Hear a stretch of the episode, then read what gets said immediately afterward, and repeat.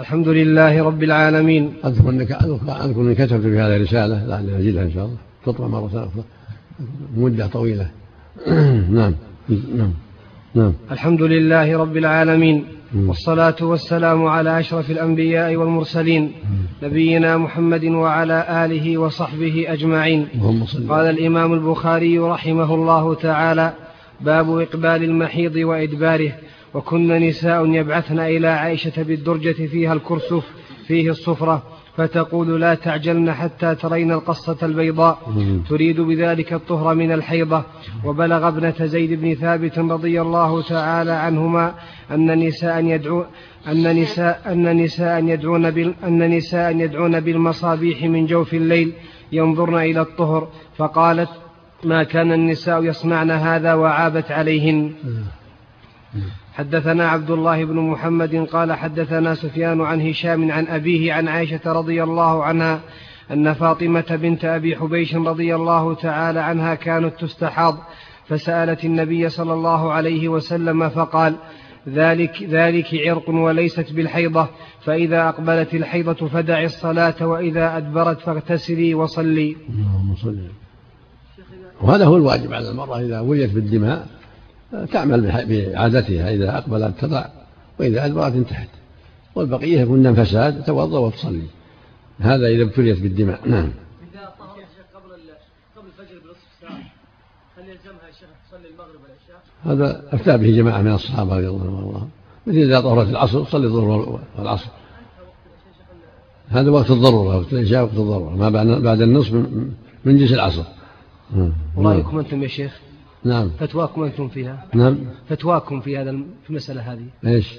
اللي ذكر الأخ عبد الله. إيش؟ إذا طهرت قبل الفجر بنص ساعة.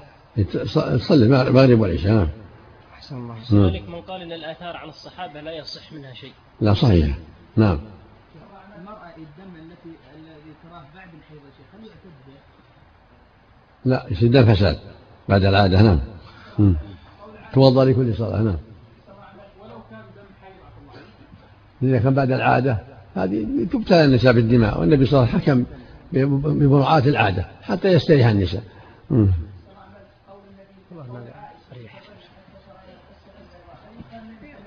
وهو بلازم لا هو بلازم. القصة البيضاء غالبا وإلا إذا رأت الطهرة يكفي ولا ما جاء رأت القصة بعض النساء ما يرى قصة البيضاء إذا رأت الطهر يكفي. ما, ما بقي شيء. إذا رأت تلطف بقطة ونحوها ما رأت فيها شيء الحمد لله. نعم. باب لا تقضي الحائض الصلاة. نعم. وقال جابر وأبو سعيد رضي الله تعالى عنهما عن النبي صلى الله عليه وسلم تدع الصلاة. حدثنا موسى بن إسماعيل قال حدثنا همام قال حدثنا قتادة قال حدثتني معاذة أن امرأة قالت لعائشة رضي الله تعالى عنها أتجزي إحدانا صلاتها إذا طهرت؟ فقالت أحرورية أنت. كنا نحيض مع النبي صلى الله عليه وسلم فلا يأمرنا به أو قالت فلا نفعله. يعني أن المرأة تؤمر بقضاء الصوم فقط أما الصلاة لا. وكان الحرورية يشددون في هذا الخوارج ولهذا أنكرت عليها أحرورية أنت لأن الحرورية عندهم التكلف والتشدد نعم. قال يا شيخ بعض فقهاء الشافعية أن الحائض يجري عليها أجر الصلاة في زمن عادتها في نعم. عموم يقول بعض الشافعية إن الحائض في وقت العادة يجري عليها أجر الصلاة لعموم حديث ابن موسى إذا مرض العبد أو سافر. ما هو بعيد. ظاهر الأدلة ذلك. يعلم الله من قلبها أنها لولا الحيض لصلت لها أجر المصلين. مثل إذا سافر أو العبد مرض أو سأله كتب الله ما كان يعمله صحيح مقيم.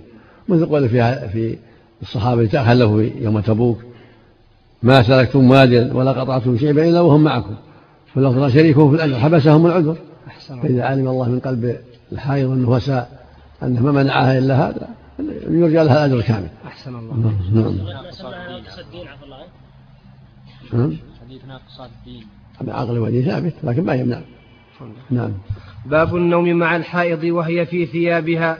حدثنا سعد بن حفص قال حدثنا شيبان عن يحيى عن أبي سلمة عن زينب ابنة أبي سلمة حدثته أن أم سلمة رضي الله تعالى عنها قالت حطت وأنا مع النبي صلى الله عليه وسلم في الخميلة فانسللت فخرجت منها فأخذت ثياب حيضتي فلبستها فقال لي رسول الله صلى الله عليه وسلم أنفست قلت نعم.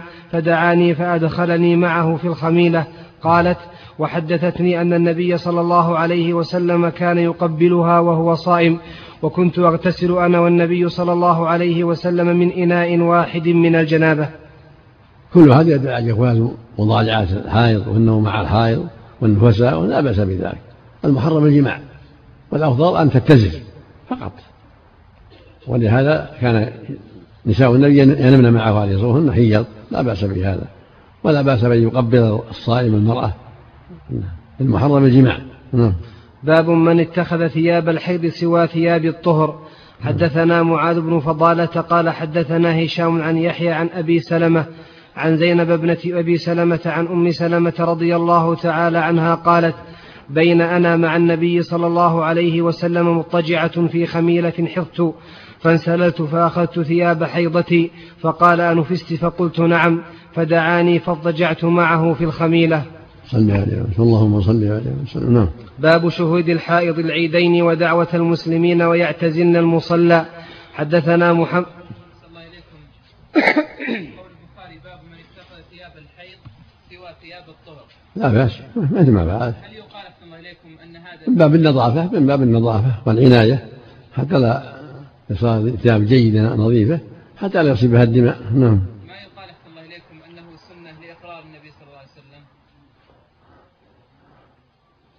محتمل. نعم. نعم.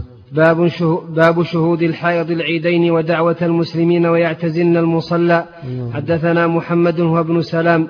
قال أخبرنا عبد الوهاب عن أيوب عن حفصة, عن حفصة رضي الله تعالى عنها قالت كنا نمنع عواتقنا أن يخرجن في العيدين.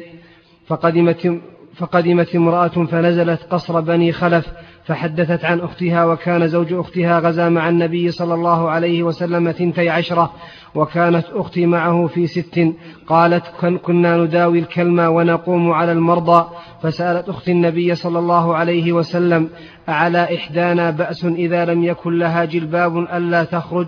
قال لتلبسها صاحبتها من جلبابها ولتشهد الخير ودعوة المسلمين. فلما قدمت أم عطية رضي الله تعالى عنها سألتها أسمعت النبي صلى الله عليه وسلم قالت بأبي نعم وكانت لا تذكره إلا قالت بأبي. سمعته يعني أفديه بأبي. ما هو معناها قسم؟ يعني أفديه بأبي. نعم.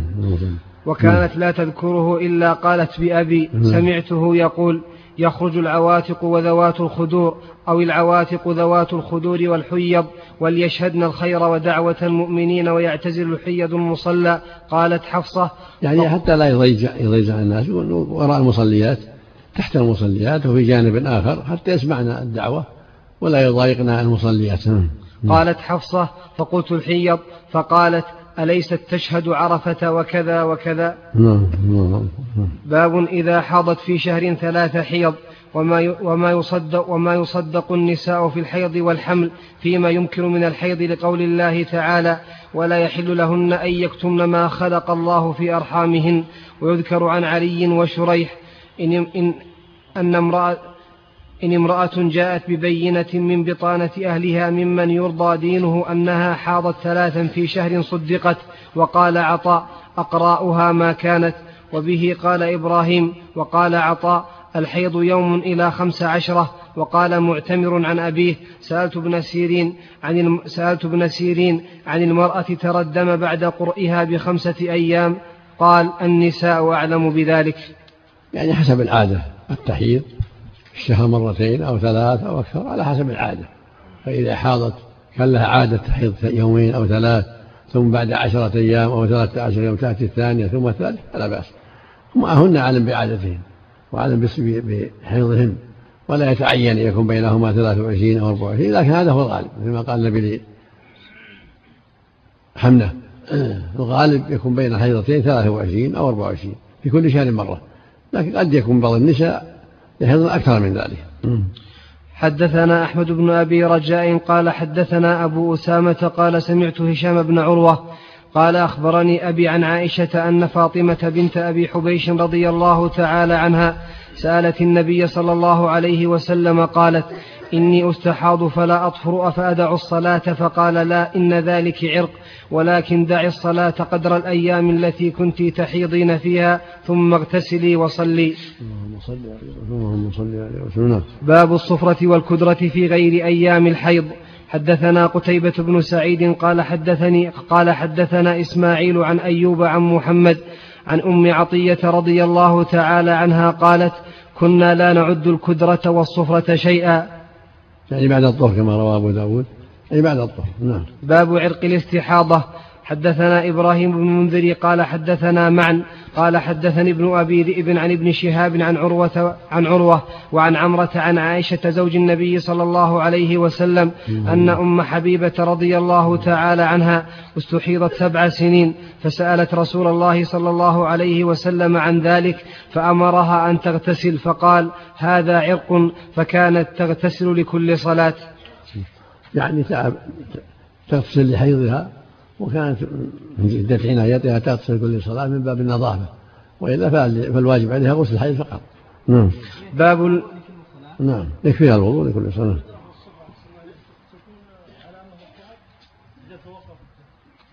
إذا رأت الصورة بعد الطهر ما عليها هذه مثل بول تستنجي وتوضأ لكل صلاة. نعم. باب المرأة تحيض بعد الإفاضة. حدثنا عبد الله بن يوسف قال أخبرنا مالك عن عبد الله بن أبي بكر بن محمد بن عمرو بن حزم عن أبيه عن عمرة بنت عبد الرحمن عن عائشة زوج النبي صلى الله عليه وسلم أنها قالت لرسول الله صلى الله عليه وسلم يا رسول الله إن صفية بنت حيي قد حاضت.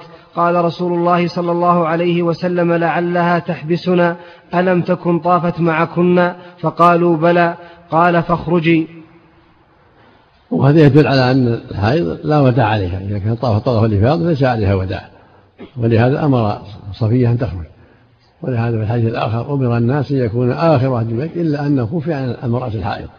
فلا وداع عليها. نعم. حدثنا معل بن أسد قال حدثنا وهيب عن عبد الله بن طاووس عن أبيه عن ابن عباس رضي الله تعالى عنهما قال رخص للحائض أن تنفر إذا حاضت. وكان ابن عمر يقول في أول أمره إنها لا تنفر ثم سمعته يقول تنفر إن رسول الله صلى الله عليه وسلم رخص لهن.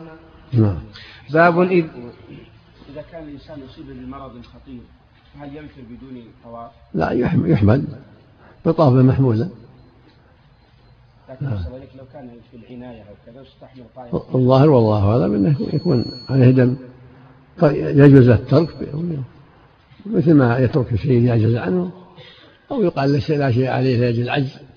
مش معذور كما وجرت الحائض والنفس محتمل. مثل ما يسقط الطواف مبيت منى عن الرعاة والسقاة وهو واجب. قد يقال في حق المني العاجز مرة ما يستطاع أن يطاف به قد يقال لا شيء عليه. كما لا شيء على من عجز عن مبيت وقد يقال بوجود الدم كما يقال في حق من ترك الرمي ولو عاجزا لأن في إمكانه التوكيد أما الطواف لا يوكل فيه. فالوقف فالأقرب والله أعلم أنه يسقط عنه. إذا عجز عن الطواف لا راكبا ولا ماشيا ولا محمولا. وإن فدى من باب الاحتياط إذا كان عاجز يعجز محمولا هذا من باب الاحتياط. وإلا فيطاف بمحمولا. طواف الوداع. شيخ الإسلام ابن تيمية أن الحائض إذا اضطرت تطوف طواف الإفاضة. يحتاج يحتاج دليل باب إذا رأت المستحاضة الطهر. قال ابن عباس رضي الله أحسن الله إليك.